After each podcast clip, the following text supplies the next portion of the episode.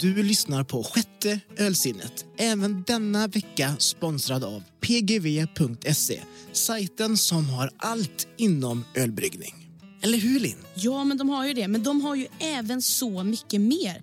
De har bland annat vinsatser och en massa andra spännande produkter för dig som gillar att göra saker själv från grunden. Så varför inte prova att göra din egna korv? Eller göra som jag och beställa det ultimata gör det själv-ostkittet. Som klippt och skuret för dig som älskar att göra ost, korv eller öl. PGV, din butik för hembryggning sedan 1991. Eller din butik för vad som helst, för de har verkligen allting. Så tack PGV. Du vet den där oslagbara känslan när allt är klart. Och man har gjort det själv. Ölet alltså. På pgv.se hittar du allt för hembryggning. Både för nybörjare och proffs. Välkommen in på pgw.se.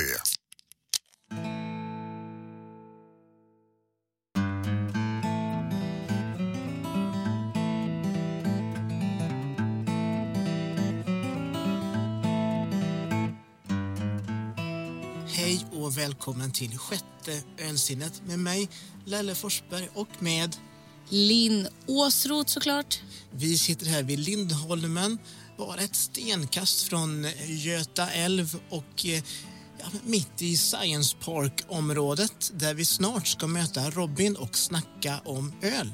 Robin ifrån Tipsy Tales och eh, vad är han mer inblandad i, Linn? Ja, Robin är ju tillsammans med sin kompanjon Marcus inblandad i eh, nanobryggeriet eh, Tipsy Tales som lanserar sina öl på Beercon Gbg den 5-6 augusti. Och eh, vi kommer ju snacka om hur det är att anordna ett, eh, en ölmässa och hur det är att starta ett bryggeri. Vi kommer även snacka om silvertungor, ruggugglor, lite Östersund och även lite Österrike, bland annat. Men nu tycker jag att det är dags att eh, rulla bandet så ni faktiskt får höra själva. Vi kör! Hey, it's Ryan Reynolds, and I'm here with Keith, co star of my upcoming film, If, only in theaters, May 17th. Do you want to tell people the big news? All right, I'll do it. Sign up now and you'll get unlimited for $15 a month in six months of Paramount Plus Essential Plan on us. Mintmobile.com slash switch. Upfront payment of $45 equivalent to $15 per month. Unlimited over 40 gigabytes per month. Face lower speeds. Videos at 480p. Active Mint customers by 531.24 get six months of Paramount Plus Essential Plan. Auto renews after six months. Offer ends May 31st, 2024. Separate Paramount Plus registration required. Terms and conditions apply if rated PG. Eh, jag heter ju Robin och är en av medgrundarna till eh, Tipsy Tales. Och vi håller på att lansera oss själva genom just den här eh, ölmässan som jag har pratat med er om. Eh, Beercon. Och det är så vi hade tänkt att lansera vårt företag från första början. Och det är också då vi kommer börja servera öl för första början. Innan dess har vi bara eh, kokat ihop öl till studenter och sånt. Och det är därifrån intresset kom också. Det, att alla de tyckte att, det var, ja, att vi var duktiga på det så ville vi ta och göra någonting tillsammans och ha det vid sidan av våra vardagliga jobb och liv kan man säga. Men hur började det med att ni började brygga för studenter då? För det kanske inte alla gör. Nej. Nej, men det har just det här med att det är, ja, båda två är utbildade kockar från första början, både jag och Marcus. Och sen så har vi en tredje person som kanske är på väg in i företaget också. Även hon är utbildad kock. Och det har ju gett det där kulinariska intresset. Och så blev ju öl bara större och större. Och då blev det ju någonting man själv vill prova på också. Det, så, så det var just det där att det kom just den här vågen 2010 och framåt. Det, så fick intresset växa fram. Ska ni ge upp eh, matlagningen nu och bli bryggare på heltid eller ska det kombineras på något vis? Alltså, vi, vi kan säga som så att vi har inte lagat mat någon av oss sen vi gick gymnasiet. Jag var kock i Alperna i två år. Men det här är ju vad blir det? det blir 18 år sedan jag var kock senast. så den tiden har vi lagt bakom oss. Eh, min kompis han är som sagt också utbildad kock men han jobbar idag som socionom. Eh, vi hade ju tänkt att kombinera det här i början. Och så har vi fått lite intresse om att ta en lokal i framtiden.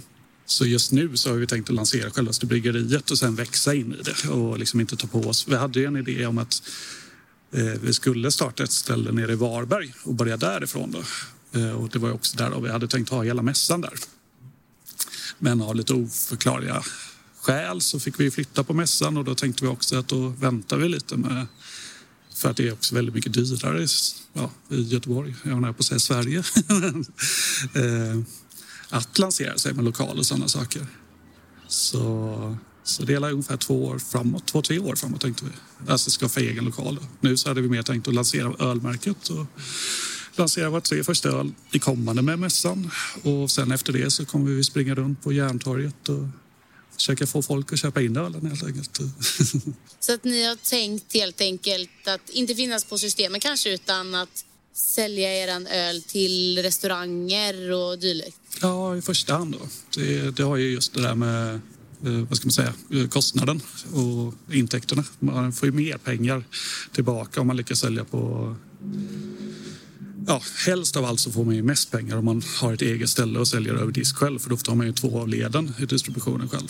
Eh, men eh, ja, vår tanke är först att lanseras på restauranger och på det sättet bygga varumärke. Och eftersom att vi bara är två och att vi även bara ska försörja två halvt som halvt så är det ju den vägen vi vill gå för att skapa ett varumärke hellre än att ja, gå rakt ut och bli ansvariga för andra människor innan vi vet att vi jag kan flyga med det. Hur och var brygger ni ölen nu då?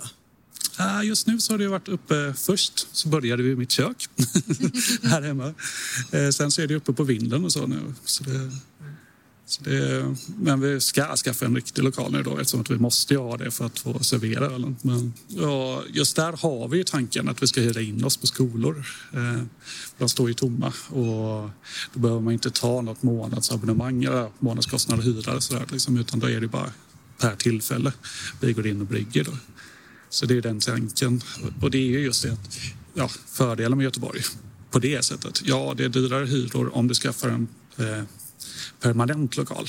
Men det är väldigt mycket billigare hyror om du nöjer dig med en där du hyrde in ett kök eller något sånt. Så vi sitter och pratar med två skolor just nu där vi tänkte hyra in oss till, ja, till en början.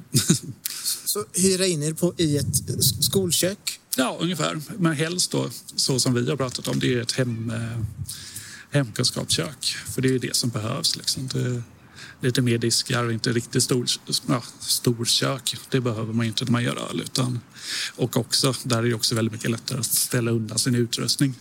Vi brygger inte med så himla stora kvantiteter när vi bygger utan ja, det gör ju att det också går att ha på det sättet. Annars måste man ju ha egen permanent och egen lokal. Vi sitter här på Lindholmen och det är ett område som gentrifierats får man väl säga. Eh, när jag bodde här för, jag ska inte säga hur länge sedan, då, då fanns det svartklubbar och truckstop var ett ställe man kunde dricka öl och lyssna på tung musik på. Ni skulle kunna haft en lokal här, 15 år tillbaka i tiden kanske? Ja, det är helt sant. Tyvärr så var jag mer intresserad av att åka snowboard på den tiden. Jag la all tid på det ungefär. Så, eh, men det hade ju varit en guldtid, det måste jag säga. Jag var ju väldigt mycket här. Jag har en kompis från när jag var liten. Han var stenhård hårdrockare. Så han och vi hängde ju, eller jag följde med han till Truckstop Alaska för att kunna hänga med han lite då och då. Liksom. Och det var ju väldigt kul. Vad kan vara spännande att veta om er? Berätta lite om dig och lite om din kompanjon. Vi är ju båda två i grund och botten kockar eh, som vi då har gått vidare ifrån. Och vi träffades uppe i Östersund när vi båda två pluggade där uppe. Då pluggade jag ju till ekonom där uppe. Så, och han då till personalvetare. Så på det sättet kompletterar vi varandra väldigt bra i våra roller. Och så sen just nu då så har jag ju fortsatt att plugga till jurist också. Så vi har ju de kunskaperna vi vill ha för ett företag inom oss två. Eh, sen så är han den mer sociala än vad jag är och brukar kalla sig själv att han har en silvertunga. ja, vi kan ju det där runt omkring och vi tycker egentligen det är det roligaste. Alltså just det här med ölandet, alltså själva ölbryggandet och just det här med kreativa, att ta fram etiketter och sådana saker. Det älskar jag då specifikt. Men just öl, det har vi gjort tillsammans hittills och så har jag gjort etiketterna vid sidan av. Liksom. Eh, och det är väldigt mycket just det där med smak och allt sånt. Och han är en fantastiskt duktig på smak och mat och väldigt duktig kock. Eh, och det binder ju in i det här också. Det, I slutändan så tycker jag också att det blir ännu roligare på det här sättet. Vi får lära oss tillsammans och eh, ja, så gjort länge. Om man säger så. Men nu måste jag ju fråga vad det är ni brygger med. Vi brygger med en Braumeister, 50 eh, liter Pro. Så den, den är trevlig. Det, ja. det är lite mindre, så det blir ett nanobryggeri om man säger det som så. Inte ens ett mikro. Men det kanske blir en annan femma sen? Ja, det är ju det. Eller ni kanske vill hålla det? Alltså helst då alltså. För vi, vi ser ju att alltså, profiten ligger i att hålla det så nära som möjligt själv. Och så, alltså, som jag sa i början då, så vill vi helst sälja till restauranger och sådana saker i början för just profiten. Men sen också ta det till att man kanske har bryggpubbar så att man brygger sin egen öl där. Så har man, alltså, vi har ju sammanlagt tio recept Mm. Och vi hade gärna velat ha åtta egna kranar så kan man alternera mellan de tio. Och så sen så tar man in äh, gästöl på burk. Det är ju vår tanke att vi vill göra i framtiden.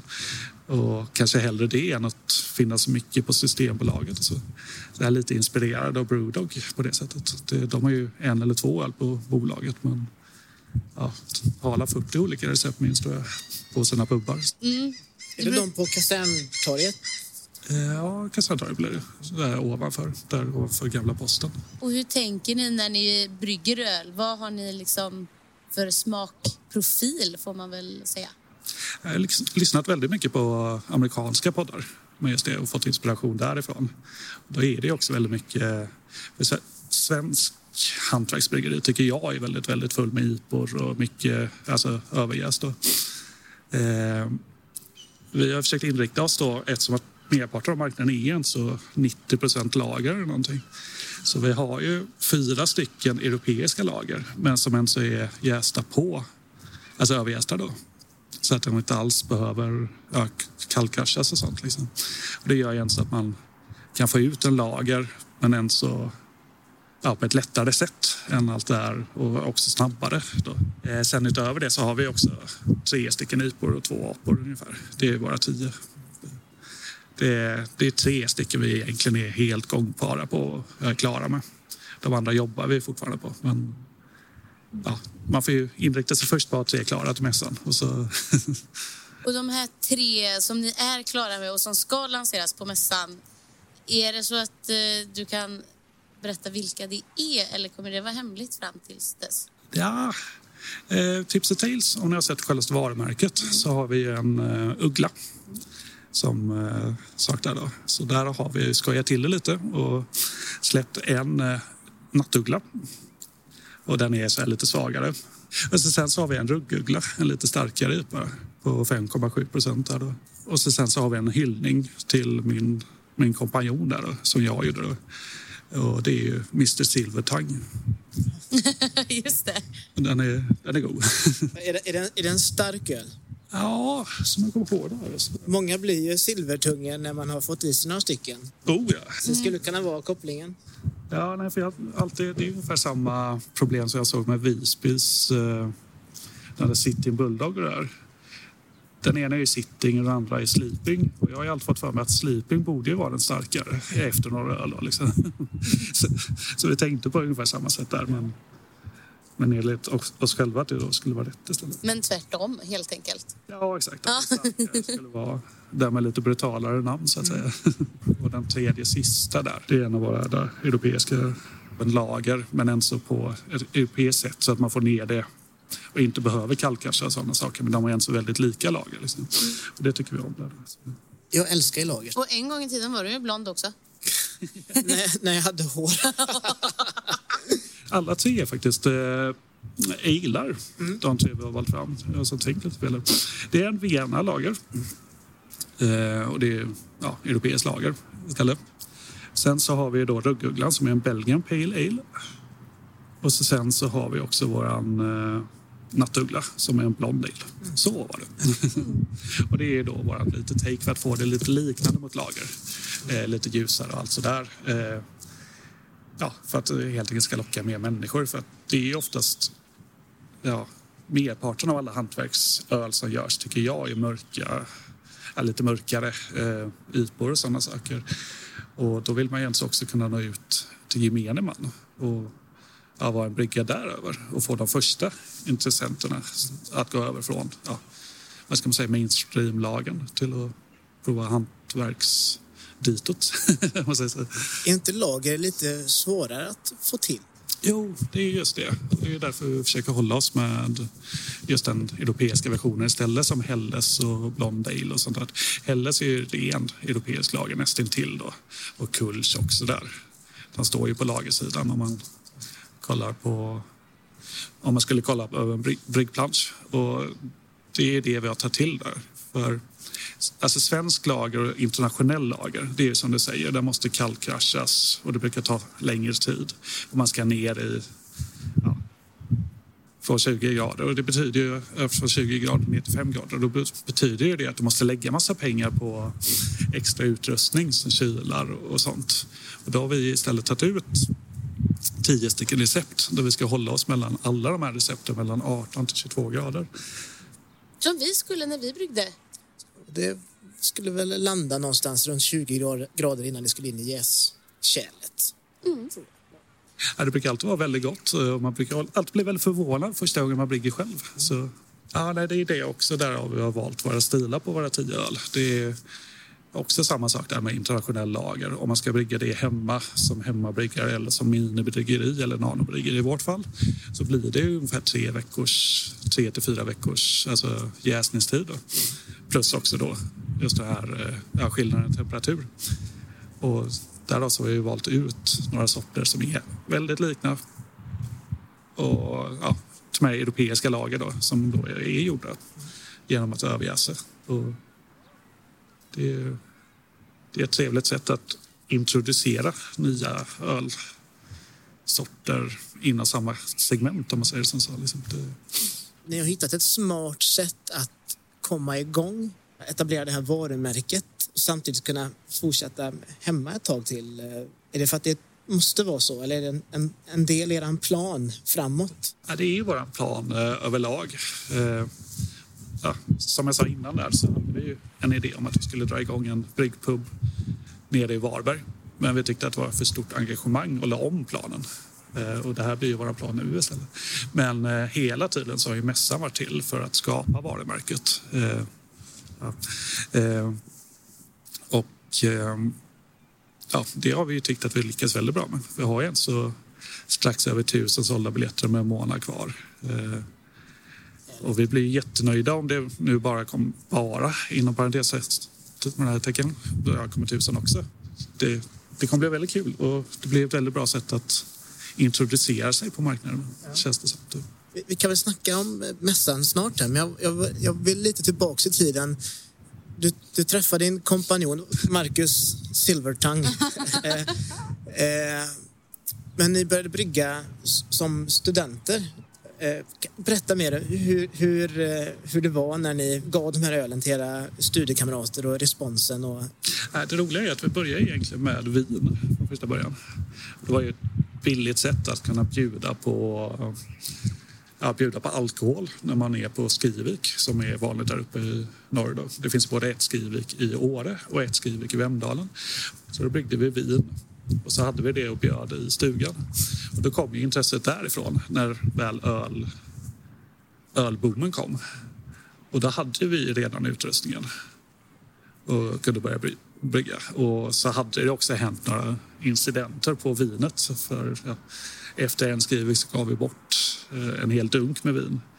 Och det var en kille som fick ett R som det såg ut som Harry Potter i pannan på efteråt för att han drack för mycket. Eh, så det var vi inte så sugna på att fortsätta med. Och efter det gick vi också. Det är också en av anledningarna till att vi gick över till öl. Och ja, det blev snabbt populärt måste man säga. Det var ju väldigt kul. Det är väldigt belönande på det sättet. För det är ju inte så... Ja, exakt som med trädgårdar och med annat. Alltså det är inte så någonting som växer fram och man får vara där och ja, det blir ens lilla bebis i två veckor så är det klart sen och så ja, får man skörda och så sen helt plötsligt står de där så ja, blir de jättenöjda. Så, ja. Det är skoj. Det var bju- bjudöl, det, var, det fanns inget företag då. Nej, det fanns inget företag. Och, ja, det fanns ju försäljningar, men det, det ingår väl i de där så, så att säga 50 000 hobbyprojektet så att säga, som man får göra på år. Mer seriöst än så var det inte då. Hur, hur länge sedan i ti- tiden var det här? Är det några år sedan eller? det här är några år sedan. Vi började plugga där 2010. Vi slutade 2014. Så flyttade vi båda ner då till Lund en sväng. Så hade jag oturen att bli bortlottad eh, två terminer på raken från juristprogrammet där då. Vad innebär det? Bortlottad? Eh, Jag hade samma högskolepoäng eh, högsk- ja, från provet, högskoleprovet som de som kom in. Eh, 1,55. Men så blev jag inte en av dem som kom in på just det. Utan de lottade av de sista. Liksom. Eh, och då hade jag ju också kommit in här uppe i Göteborg redan. Eh, så då bestämde vi oss för att flytta hit och då hade vi inte kontakt på ungefär två år, jag och Mac. Och så har vi börjat brygga nu på riktigt då under ja, coronatiden här och botaniserat oss fram och så hade vi tänkt att lansera oss då redan tidigare i år. Men så blir det nu då istället med mässan. Och om vi ska gå över till mässan då? För det är ju ganska spännande. Beercon, första upplagan eh, här på Chalmers, Lindholmen, Science Park. Eh, berätta, hur är tanken att det kommer se ut kanske först och främst? Ja, först be- betona då, för jag har ju glömt av det hela tiden. Det heter ju Bercon Gbg där då. Det Just det, just det. Mm. Jag delar mer också av just det här med hyllningen till hemstaden. Liksom. Att man vill ha det med i namnet. Men eh, ja, nej, alltså som det ser ut just nu så kommer det ju vara tre stycken utställare. Och det är ju Brukowski från Malmö då. Eh, och sen Brewersland. Eh, ja, uppifrån era trakter där uppe istället. så, så jag blev väldigt glad att de ville vara med. Och samma sak där med Brukowski. Han var ju väldigt levnadsglad när vi fick tag i honom när han väl bestämde sig. Då var han i Köpenhamn och ja, skulle svara sen när han väl hade tagit sig hem efter eh, Eh, helgens drickande där nere. Och så fick vi ett glatt svar sen. Så, ja, det satt fint faktiskt. Sen hade vi det klart med Mikeller också. Eh, men det hade ju väldigt mycket att göra med att de inte, ja, inte har varit och eh, promotat så mycket i just Varberg. Så de förlorade vi tyvärr när vi bytte stad. Då. För här har de ju varit och är givetvis också. Då. Eh, det hade ju varit synd. Ja, det var ju synd rätt sagt. Men det var ju väldigt fina och trevliga samtal med hon Frida på Mikeller. Så alltså, man ser ju inte liksom att intresset är tillräckligt stort för bara oss tre och en trevlig dag helt enkelt på semestern. Eh, men man vill ju alltid att kvaliteten ska breddas så mycket som möjligt för de som kommer. Det, det, I annat fall så kommer vi nog säkerligen slänga in kanske ett eller två ölsorter till själva. Då. Men, så att man får lite botanisera på sammanlagt. Och hur kommer det se ut? För jag vet inte om all, folk som inte har varit här på Lindholmen vid Chalmers. Det är ett gammalt varvsområde som har blivit ett eh, techområde. Ett riktigt techkluster, måste man säga. När jag gick här i gymnasiet, när jag läste kock på Östra Mosesson här, då, då var hela Ericsson och Volvo-byggnaden en övergiven och gammal eh, konservfabrik. Så det har ju verkligen ändrats, det måste jag säga. Men eh, det som är tänkt är att vi ska ha eh, tre stycken serveringsöar där inne, så att säga. Och så sen utanför så kommer vi ha ja, våra foodtrucks som vi har fått med på det hela. Och det är ju skoj.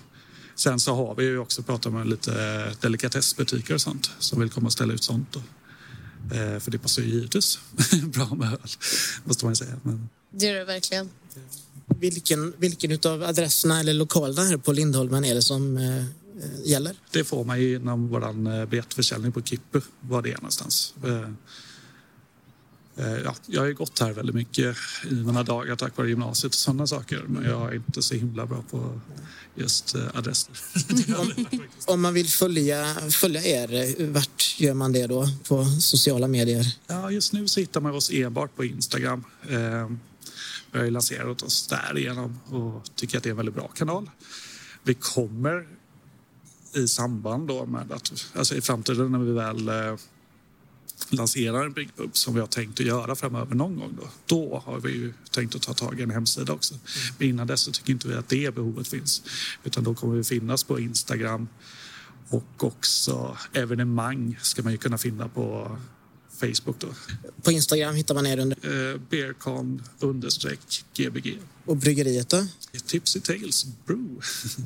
Det får man in och följa om man vill eh, få lite updates innan eh, själva mässan slår slag. Och sen även efter om man nu missar den. Men, men hur är det att eh, dra igång en mässa? Vad, vad behöver man tänka på? Vad, vilka steg tar man och eh, vad finns det för utmaningar? Ja, just för oss så har vi sett att första steget var ju verkligen att få upp just intresset runt namnet och evenemanget. Så får man ta det därifrån. Eh, ja, så vi startade helt enkelt med Instagrammen där och så har vi gått runt eh, fysiskt och delat ut ungefär 10 000 eh, folders till, eh, ja, till både villor och ute på stan. Eh, och också satt upp väldigt mycket plastfolders runt just pubbar som vi då är intresserade av och hänger på själva. Liksom. Eh, ja, sådana med lite större ölintresse som ja, Stugan Tullen och Haket och ja, Ölrepubliken och alla dem. Det är, det är där vi troligtvis mest hittar ja, eh, besökare. Sen efter det så var det ju väldigt mycket just det där med att ta tag i lokal och sånt och då hade vi en väldigt bra lokal i Varberg.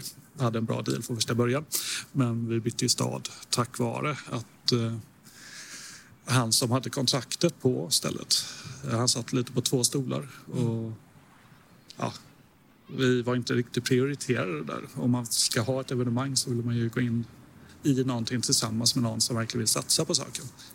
Och tack vare att vi då har vår så här gamla akademiska bakgrund så hade vi också ganska lätt för att ta kontakt med just Chalmers och sådana ställen. Eh, ja, och vetande lite av ja, vilka lokaler och som stod tomma på sommaren helt enkelt. Och det är det man får kolla efter om det ska bli värt det prismässigt. Men eh, ja, nej, sen. Vi har ju roddat mycket med vad alla ska ha. Eh, del också. Just där man först är klar med just att det ska bli ett event och sånt, det var ju det vi tog där. Då. Eh, när man väl kommer till själva eventsaken, då är det just det där med att hålla reda på allas önskemål. Ja, de ska ha bord, de måste ha elsladd. Ja, sen också se till att, för det är inte någonting vi står för direkt, utan vi, vi hjälper dem hitta vägen dit. Men när vi säljer en plats så säljer vi självaste golvytan för just eh, mässan. Eh, sen efter det så får vi, vi samarbeta tillsammans med uthyraren att fixa ja, allt fysiskt då, som bord och sånt. Men eh, ja, så som det sett ut hittills så är ju lokalen nästan till i sig perfekt för det för den har ju tre stycken serveringsöar från början och där är det bara att slänga upp våra ölsaker känner jag. Plus bord. Men har det varit mycket såna grejer som ni har behövt fixa? Glas och ja, men, biljetter och eh, tvättstationer och sånt som man kanske inte tänker på innan förrän man väl sätter igång? Ja, det, alltså vi hade en helt annan idé av hur vi skulle finansiera det från första början. Och då hade vi tänkt att köra en Kickstarter. Och det blev ett väldigt felsteg. Eh, Kickstarter verkar ju inte alls fungera i Sverige på det sättet. Vi är inte så intresserade av det i Sverige känns det som. Eh, eh Kickstarter det är ju det är en hemsida först och främst. Det är samma typ av hemsida som GoFundMe och gräsrotsfinansiering skulle man nog kunna kalla det. Men eh, ja, det handlar ju om, liksom, egentligen om att vi försökte få ut vårt varumärke där och så sen sätta tillräckligt mycket intresse för att människor skulle vilja gå in och finansiera mässan den vägen. Eh, och det känns inte riktigt som att det är en väg vi gör i Sverige på samma sätt. Och det var mer att jag då kanske var lite för inspirerad av USA. för där ser man bryggerier hela tiden göra samma sak och gå den vägen. Men de har ju också ett annat finansiellt system än vad vi har. Så därefter så, ja, efter min kära sambo eh, hade tjatat på mig och sa att Nej, men det där kommer aldrig funka i Sverige. Eh, ja, så fick jag ge med mig, som jag brukar få göra när det gäller istället. Och då hittade eh, jag hemsidan Kippu istället. Eh, och det är typ snubbar som eh, haft ja, egen idé på att starta något evenemang en gång i tiden. Sen så har de uppmärksammat att det inte funnits några bra sidor för det riktigt. Eller lätta sidor med små trösklar, för, no, tröskelingångar. Då. Så att det har kostat mycket. Och då har de helt enkelt skapat en sida där man helt enkelt inte betalar annat än kortavgift till dem för varje såld biljett. Och det är ju väldigt smidigt. Så vi, alltså, från start så betalar vi inte någonting innan biljetterna är sålda. Och det har ju gett jättemycket. Och det skulle vi ha gjort redan från början. Så här med, ja, om man kollar i backspegeln så borde vi ha gjort det direkt från början. Eh, det, ja, verkligen. Det, och det är något jag verkligen vill råda alla andra som vill ja, skapa sina egna evenemang. Det är en fantastisk sida på det sättet för man, man kan helt, helt enkelt kolla intresset innan man tar på sig kostnader. Och vi visste ju nu redan i början av sommaren att det här var finansierat. Och, och det är ju dunder. Eh, istället för att stå där och vara rädd eh, för kostnaden. Så det har ju varit perfekt för oss. Ett bra sätt eh, också då för det här är ju både varumärkesbyggande men det är också att man får en liten slant in till företaget och allt det där också. Så det, så det får ju också våran företagsstart att gå smidigare. Vad blir det för käk på Bearcon Gbg? Eh, vi har ju faktiskt en, en eh, foodtruck som har döpt om sig själva just för eh, Bearcon. De gör egentligen sushi och heter Sushi och sånt. Men de tyckte att det passade lite bättre med vietnamesisk mat. Uh, dumplings, fantastiskt goda ju. Ja. eh, sen så har vi en annan där då som kommer med tre bilar och då är det langos och eh, ja, de andra två vet jag inte exakt om. Jag tror att det är våfflor och hamburgare. Men de kommer med hela tre bilar sammanlagt. Då. Så det blir skoj faktiskt. Och, så det är fyra. Inga, ingen musik eller så? Det kan hända att det kommer en kompis plus hans kompis. Och... Håkan Hellström och Björn Rosenström. ja, jag har ju någonting att dölja där. Men det, kan bli lite, det, kan, det kan bli livemusik? Det kan bli. Det, alltså jag hade gärna velat att de skulle få sjunga live. Eh, eller sjunga live, de rappar ju och gör hiphop. Men eh, det hade gynnat dem för det första. De är väldigt duktiga och det har varit väldigt kul att bara få bjuda in dem på det sättet. Och, ja, få, dem, få dem på en scen. För, ja, de är väldigt, väldigt duktiga men de sitter oftast hemma och rappar så de kanske behöver en spark i baken för att komma ut. Så, att, eh, så det, det hade varit jättekul men annars blir det mer bakgrundsmusik på något sätt och vis skulle jag säga. Det, jag träffade på någon eh, spännande person ute på krogen för ett tag sedan, en månad sedan som hade läst om det. Och hon ville bjuda in massa punkband och lite annat men det har jag aldrig hört någonting av igen. Så, så, det, så var nog bara Stundens hetta kanske? Ja, kvällens inspiration där som slog till för Vad säger publiken eller människorna ni kommer i kontakt med?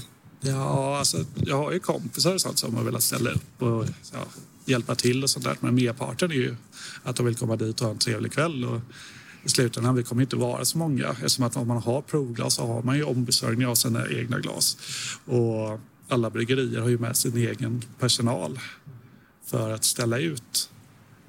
Och likväl detsamma med foodtrucks och sånt. Så alltså egentligen blir det nästan lite överflödigt med den personalen som vi kommer få vid sidan av genom de vi hyr av. Eh, om man ser det som så. För det, ja, vi är redan bemannade. bemannade gott nog till mångt och mycket. Det... Vad, vad, har ni för grafisk profil? Vad, hur ser era etiketter ut? Ja, alltså det är just det att vårt namn är ju Tipsy Tales så vi vill ju berätta historier både med ölen men också med etiketten. Så där blir det ganska spretigt. Det finns ju väldigt många olika inslag och många olika håll. Eh, men det är också tanken med det. För, ja, alltså, när vi började så ville vi göra etiketterna tillsammans. Men det märkte man ganska snabbt att det kommer inte gå för någons vilja är för stark.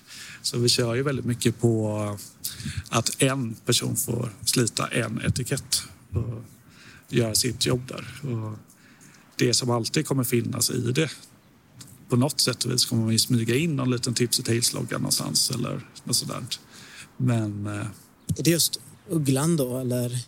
Ja, det är ju hela, hela det runda märket så att säga. Det är Ugglan. Vi har ju, vi tog egentligen med Ugglan lite inspirerad av Brewdog på just det här sättet. Man ska kunna dela upp det. Och vi vill ju ha hela märket för att man ska kunna ha en finare logga som ser lite mer seriös ut. Men sen eh, att man också ska kunna bryta upp det i antingen bara en uggla som man slänger in någonstans för skojs skull och sen ja, liksom att man också kan skämta till det med ruggugglan. Och, ja. det, det är ju kul. Det är så här lite ordvits som jag får av min far där känns det som. Det, han är väldigt mycket för ordvitsar och då var det kul att släppa en öl. Att man bara kan gå till baren och säga att ah, jag ska ha en nattuggla.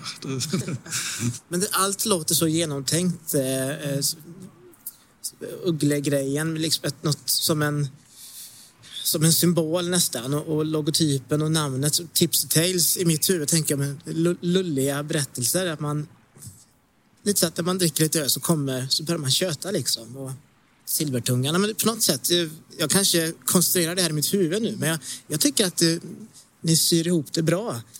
Är det, är det slump eller är det eh, genomtänkt i det minsta detalj? Jag tror att det är alltså, slump slump kombinerat med tanken. För det blir ju inte så att man har någon, eller, någon typ av egen humor som man vill berätta, både genom namn och etiketter.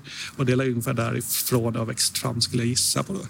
Så att, ja, vad ska man säga, medveten slump. det blir lite svårt uttryck, men, men det, för det är alltså Ja, alltså vi är så inspirerade av samma saker i vårt berättande just där. Det har ju varit kul. Liksom. Jag tänker bara på de här gubbarna som alltid sitter i baren och alltid har någonting att berätta. Det för mig är ju Tipsy Tales. Historier från så... Från min tid på varvet.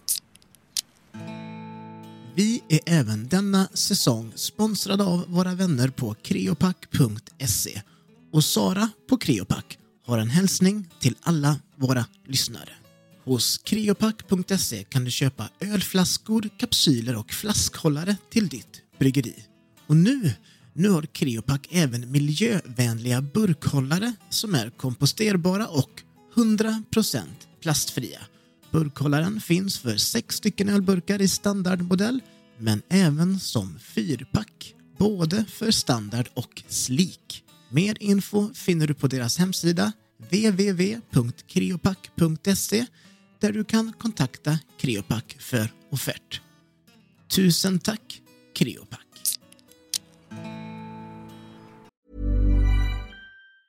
Have catch yourself eating the same flavorless dinner three days in a row? Dreaming of something better? Well, hello fresh is your guilt free dream come true baby. It's me, Gigi Palmer. Let's wake up those taste buds with hot, juicy pecan crusted chicken or garlic butter shrimp scampi. Mm. Hello Fresh. Stop dreaming of all the delicious possibilities and dig in at HelloFresh.com. Let's get this dinner party started. Hey, it's Ryan Reynolds, and I'm here with Keith, co star of my upcoming film, If, only in theaters, May 17th. Do you want to tell people the big news?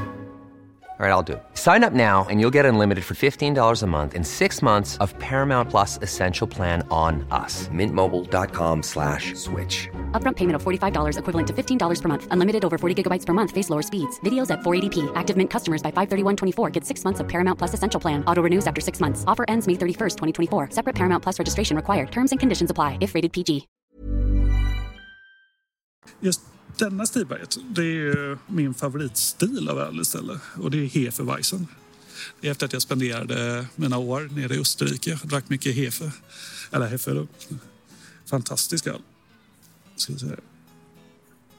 Och så sen då så mitt favoritbryggeri av dem alla, det har faktiskt alltid varit Vega. Väldigt mysigt och nog en av Göteborgs mysigaste uteserveringar just nu, känner jag. Det, där kan man ju inte annat än att hålla med. Vi var ju där och, och kikade lite. Vegas? Ja. De är mysiga, men också bryggeriet och uteserveringen och restaurangen. Allt är ju väldigt trevligt. Ja, de har ju verkligen så guldkoncept tycker jag med just det där att de levererar på plats. Och, alltså, där får man ut mest marginal om man säljer öl och då kan man också ta mer skäliga priser, eh, vilket är trevligt. Och det är ju det som är problemet tycker jag när man mer inriktar sig på Systembolaget och ja, försäljning av folköl. Då blir det oftast väldigt mycket dyrare priser. Det är väldigt trist när man får betala på vissa ställen, nu ska inte jag nämna några märken och sådana saker, men vissa ställen kan man ju få betala upp till 50 kronor för en 3-5. Och det tycker inte jag är riktigt rätt. Eh, det är inte den bilden vi vill ha av vårt bolag. Utan ja, då langar, langar vi hellre över disk och delar på profiten både med gäst men också själva. Liksom. Eh, ja, sen så har vi faktiskt en tredje också. Då. Eh, min tjejs favorit. Den var jag tvungen att ta med också. Nils Oskar. God lager. Då ska det dock sägas att eh, hennes favorit är givetvis eh, den man finner på bolaget egentligen. Och det här är en 3-5 i dagens läge. Så. Och är lager hennes stora favorit? Hon botaniserar i allt. Hon botaniserar nog än mer än vad jag gör. Det, eh, jag har inte blivit så hooked på suröl och så som, som hon har blivit lite mer än mig. om man säger det. Så där är hon modigare skulle jag säga. Det är många samtal som jag också haft med sådär bartenders och sånt att eh, tjejer överlag provar mer öl och är modigare. Eh, vilket säkerligen kan ha att göra med att eh, när killar har lärt sig dricka öl så, så gäller den här vanliga manligheten med att ja, ja, jag kan det här. Om jag säger så. Lite det hållet. Det stämmer ju ganska bra överens med oss två i alla fall. Ja, och jag vill minnas att eh, Ölgäris sa något liknande när vi snackade med dem. Att tjejer är mer nyfikna och, och mer orädda för att testa olika saker. Medan jag, jag kan säga att jag är nog mer en sån som gärna dricker det jag alltid har druckit. Eh, eller en variant utav det jag alltid har druckit. Är det samma sak som jag har hört. Både på Majernas bryggeri när man stått där i baren eller när man har varit på Två feta grisar och pratat med bartendern där. Det, så det verkar ju vara ett ganska... Vilket jag är imponerad och glad över. Det, det är kul.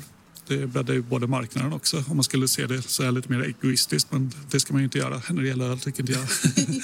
det, det, det är ju bara givande att mer och mer och mer människor finner glädjen i bra producerad öl. Liksom. Så, så det är skoj. Vilken vill ni börja med? Ska vi, ta, ska vi börja med Vega? Ja. Vi är ändå här på hissingen och bara något stenkast ifrån, nej inte stenkast men Lite mer än stenkast, men i närområdet. Jag är inte jättelångt bort härifrån. Nej. Där får jag bara lägga in en brasklapp, vilket jag tycker är lite roligt med Stiberget.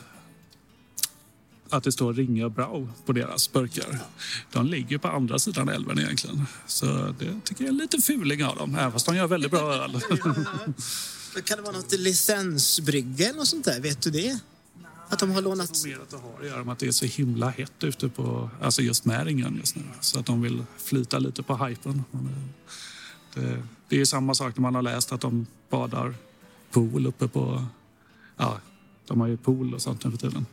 Och då har det ju också stått Ringen i taglines och sånt. Men de ligger ju egentligen på partihallarna. Men ja, det är väldigt nära så man ska ju inte ge dem alldeles för mycket bassning heller.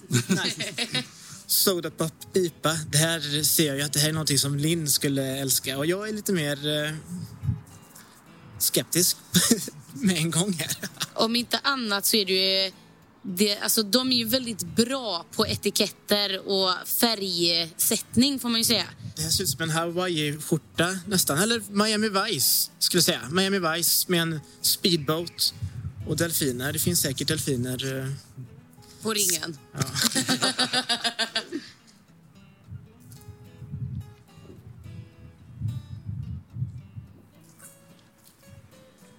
Den här var god. Riktigt god. Den här vet jag att du kommer älska, Linn. Men innan du får smaka så tänker jag ta en klunk till. Men är det någonting som du tycker om så är det ju folköl. Då tycker jag det är perfekt alkoholmängd. Eh, den här var söt. Riktigt söt. Jag förstår sodapop... Eh, eh, att de har sodapop i, i sin titel. Ska du smaka, Linn? Och det är ju limejuice. Redan där vet vi att den är lite sötare, men ändå syrlig. Och det, är- det är liksom en god blandning mellan liksom maltigt och friskt. Som en blandning mellan en ordentlig öl och lite av en eh, törstsläckare. Perfekt på sommaren, helt enkelt. Men det är ju en sommaröl. Oh, ja, Det är det ju. Eh, man kan ju nästan alltid tro att Vegas öl är sommaröl tack vare deras etikering. För de är väldigt ljusa och glada och sådär. Men ja, den här sitter ju rätt bra där tycker jag. Mm. Festlig. Man vill liksom... Eh... Jag blir sugen på att köpa tre stycken såna här och ha i, mitt, i min arsenal. På väg till någon god förfest. Eh, på Majorna kanske. det är inte Ringön, men eh, eh, där har jag bott. Det vet vi allihopa. men har jag fått med det i den här podden? Jag måste få med det varenda gång vi är i Göteborg.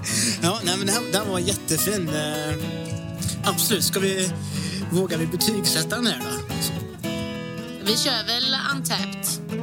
Så jag säger eh, ja, men, eh, 4,25. Då säger jag också 4,25. Helt enkelt, för den, den, var jättebra. Den var fin. Vad skulle du ge den här på Untapped?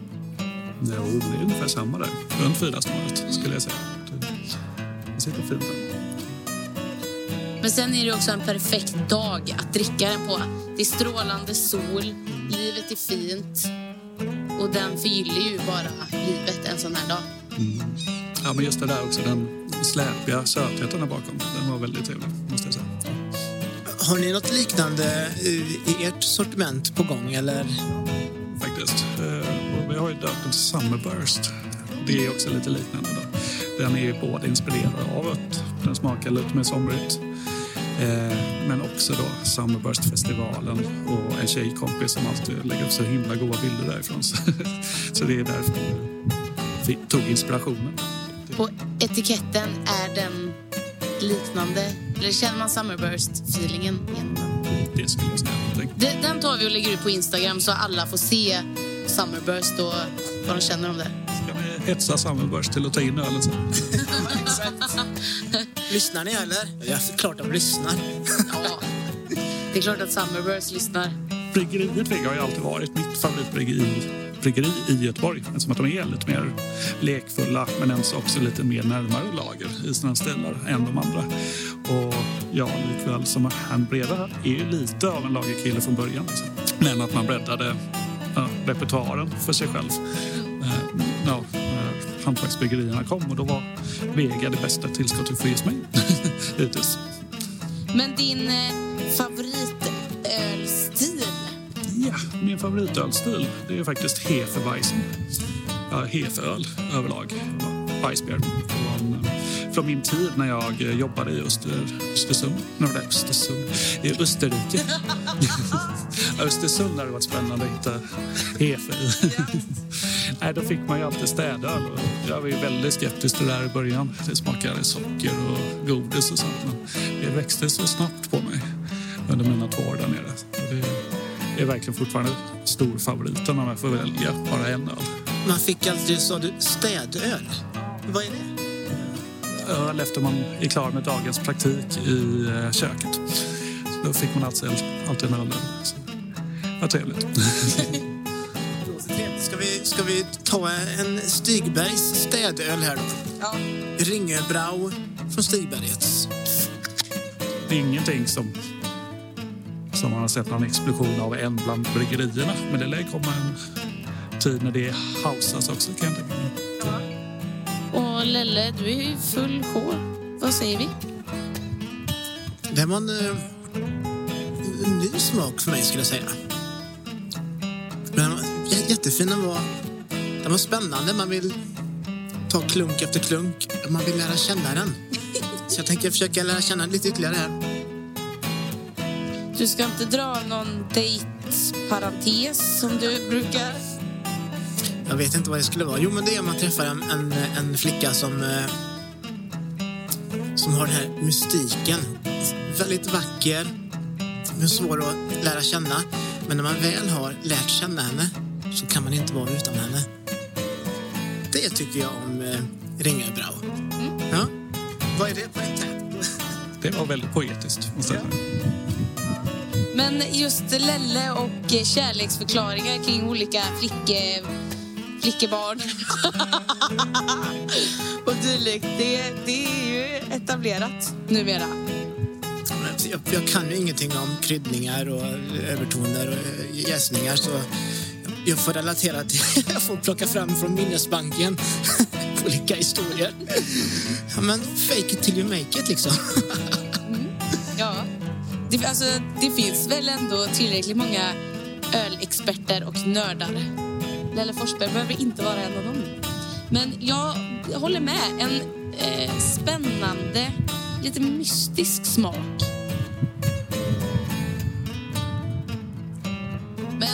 Tydlig örtighet i slut, slutspurten. kan jag hålla med om. Jo, nej, men den var väldigt, väldigt trevlig. Och mer distinkt på slutet faktiskt. Det har du rätt med. Vi har ju dock inte tänkt att, eller inte ens tänkt att våga oss på att göra en faktiskt. Det, det känns lite svårt. Ehm, Så där får vi nog jobba länge innan det skulle komma från oss. Vad är den stora utmaningen med att, att brygga ett sånt öl? Ja, just nu så är det nog mer skräcken att göra det dåligt, skulle jag säga. För det misstänker att det är väldigt mycket svårare än vad man tror. Eh, Men det kommer ju komma en dag för det också. För Man vill ju givetvis lyckas själv med någonting man tycker är så gott. En fyra blankt på en täppt för mig. Jag skulle nog faktiskt, eh, med tanke på min favoritöl inom Weiss så ska jag nog ge den lite mindre. Jag ska nog ge den 3,5 eller ja, 3,25 kanske. Den är över godkänd och den är god. Men det finns väldigt mycket bättre Weissbier skulle jag säga. För mig tror jag att den landar, den landar nog på en trea. Allt under tre, det är lite sämre. Allt över tre är lite bättre. Allt över fyra är väldigt bra. Så, eh, just av den enkla anledningen att det är en, absolut en jättebra öl. Eh, ja, men ölstilen kanske inte är min absoluta favorit. Personligheten, den saknar jag. Just, eh, En veteöl brukar ju också vara en väldigt stor vattendelare. Det, ja, antingen tycker man om det eller inte, liksom, oftast. Eh, Och det är ingen skam med det. Det, det, är, det är som en tjusning med öl. Ja, men det är lite som en suröl också. Det är också en vattendelare. Antingen så tycker man om det, eller så gör man det inte, eller så växer det fram. Och det här är ju också en typisk... En veteöl är också en sån som växer fram. Det är lite roligt också, för min bror, eh, ja, han kan ju inte ens dricka veteöl. Han tycker det smakar horribelt istället. Och då är vi ens och, och samma skrot och korn där på något sätt. Men, ändå så olika i smaken. Liksom. Mm. Och nu har vi en lager på ingång. Ja. Men då snällt att du inte sköt den på mig. Ändå siktar jag på dig. Och Nils Oskar var sambons eh, favoritbryggeri. Ja, det stämmer fint det. det. Det har det varit ganska länge just det här med... Sen byter hon ju favoriter då och då. Men denna kommer hon alltid tillbaka till på något sätt. Så eh, hon har ju sina olika perioder. Men den är stående på något sätt. vis. Det är en väldigt, väldigt bra lager med tydlig brödsmak i början. Trevlig, väldigt lättdrucken. Eh, Jag var inte lika förtjust i den, men är god. Ja, men Nils Oskar känns ju ehm, som en klassiker. De gör kanske ingenting som sticker ut avsevärt. Men de är även bra på alltså det klassiska. Samtidigt så är det ju väldigt få som gör ren lager eh, av hantverksbryggerierna, måste man ju säga. Och det ska de ju ha cred för. Absolut. Så som det sägs bland de som brygger så är det ju just det att det är väldigt svårt att dölja sina misstag när det gäller lager gentemot de andra ölen. Det ja, det är det som växer, måste jag säga, för respekten för just Nils Oskar. jag tyckte den här var jättefin faktiskt. Det är, det är inte en etikett jag skulle dras till på, när jag ser den på en hylla. Men samtidigt kanske är det det som är charmen, att den är lite strikt och stram. Det kanske det, för nu är ju många etiketter ju väldigt fräcka. Och ett sätt att sticka ut kanske är att vara konservativ i sin etikett. Det tycker jag Nils Oskars är här. Smakmässigt var den riktigt fin. Deras etiketter ser ju i mångt och mycket ut att, in, att komma från eh, ett stort bryggeri. Med sin... Eh, alltså, de har klassiska smaker och de har klassiska etiketter. Nej, det håller jag verkligen med om. Det ser mer ut som ett mainstream-bryggeri på etiketten. Men samtidigt då att vara ett lite mindre bryggeri och göra lager, det är som sagt imponerande. Det- Ja, den var hur god som helst. Jag försöker fundera ut vart jag ska placera den på skalan. Det är ju... Vi har druckit några lager ändå. Alla, alla brukar ha en lager. Inte alla, Nej, men... men många. Vi har druckit några lager och jag skulle vilja hitta någon som klår den här och det finns det säkert men man... Stundens hetta gör att det känns som att det finns inget bättre. Jag tror det är för att solen sk- skiner. Vi har, vi har ändå ganska trevligt här nu. Och, och kan vara nostalgin. Jag har ändå jobbat här i området. Jag minns, jag minns ex- exakt den här måsen som skriker här nu. Han, skrek, han skrek när jag jobbade här också på området. Nej men det här är en, uh, nej, men det är en fyra på en taps det här också. Nils Oskars god lager. Ekologiskt också, det är bra. De tänker på miljön. Här skulle jag också ge den fyra, minst. Alltså. Jag tyckte den var väldigt bra. Det, där kan jag också givetvis, som du säger, värdet spela in. Men den var fantastiskt god. Ja, men det, det är ju som jag säger, Nils Oskar, de, de kan sina lager. Jag skulle också ge den en 3,75 4. Den är bra. Men jag, till skillnad från dig Lelle, jag har ju hunnit tröttna på lager.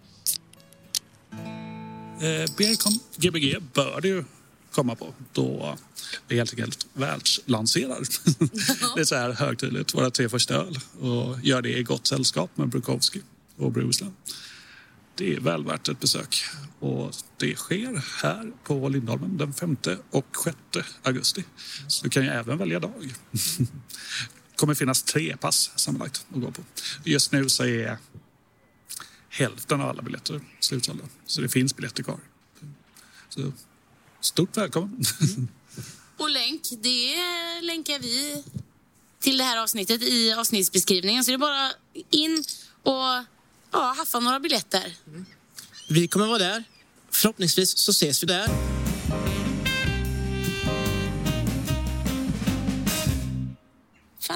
Mysigt snack i solen vid Lindholmen på Hisingen i Göteborg. Verkligen. Eh, den här Beercon Gbg-mässan eh, måste man ju nog bara ta sig till. Tusen utav 2000 biljetter är sålda. Så det finns fortfarande chans att eh, köpa sig en biljett eller vinna en av de åtta stycken biljetter som vi ska lotta ut. Håll koll på sociala medier eh, så har du chans att vinna en biljett. Och glöm inte att hugga en tisha eller en keps. Och vill ni läsa om nästa avsnitt eh, så gör ni det såklart på Hantverksbiras eh, Instagram. Och länkar hittar ni såklart i beskrivningen. Stort tack till pgv.se och Creopack för att ni sponsrar eh, den här säsongen. Och far och flyg, Simma lugnt. tja! Ever catch yourself eating the same flavorless dinner three days in a row? Dreaming of something better? Well, HelloFresh is your guilt-free dream come true, baby. It's me, Kiki Palmer.